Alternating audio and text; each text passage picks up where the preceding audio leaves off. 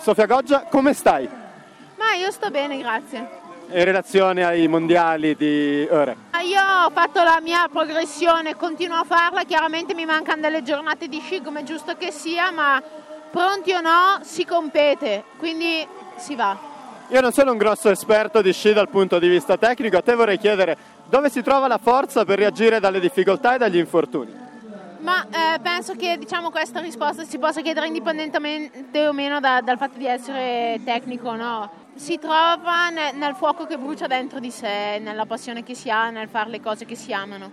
Quanto lo sport aiuta nel forgiare la personalità? Eh, veramente tanto, penso che quando tu sei piccolo e decidi di darti a uno sport, poi cresci con determinati diktat e una impostazione mentale che, che, ti aiuta e ti proietta in un mondo di adulti anche se non lo sei. Io faccio parte della stragrande maggioranza di persone che sono appassionate di sport ma magari non hanno mai la possibilità di arrivare al massimo. A te vorrei chiedere cosa si prova ad essere, a partecipare ai giochi olimpici e soprattutto a vincere. Ma è bellissimo, è, quando io sono andata alle Olimpiadi ho detto, indipendentemente no, dal fatto di essere pronta, da come sto, il sogno è qui e ora me lo gioco. Quindi ti dico, sono state le gare più, più felici della mia vita, più serene della mia vita. C'è qualche sportivo o sportiva alla quale ti ispiri? Ma in passato molti, attualmente no, ma cerco piuttosto di prendere tanti particolari da chi più mi aggrada.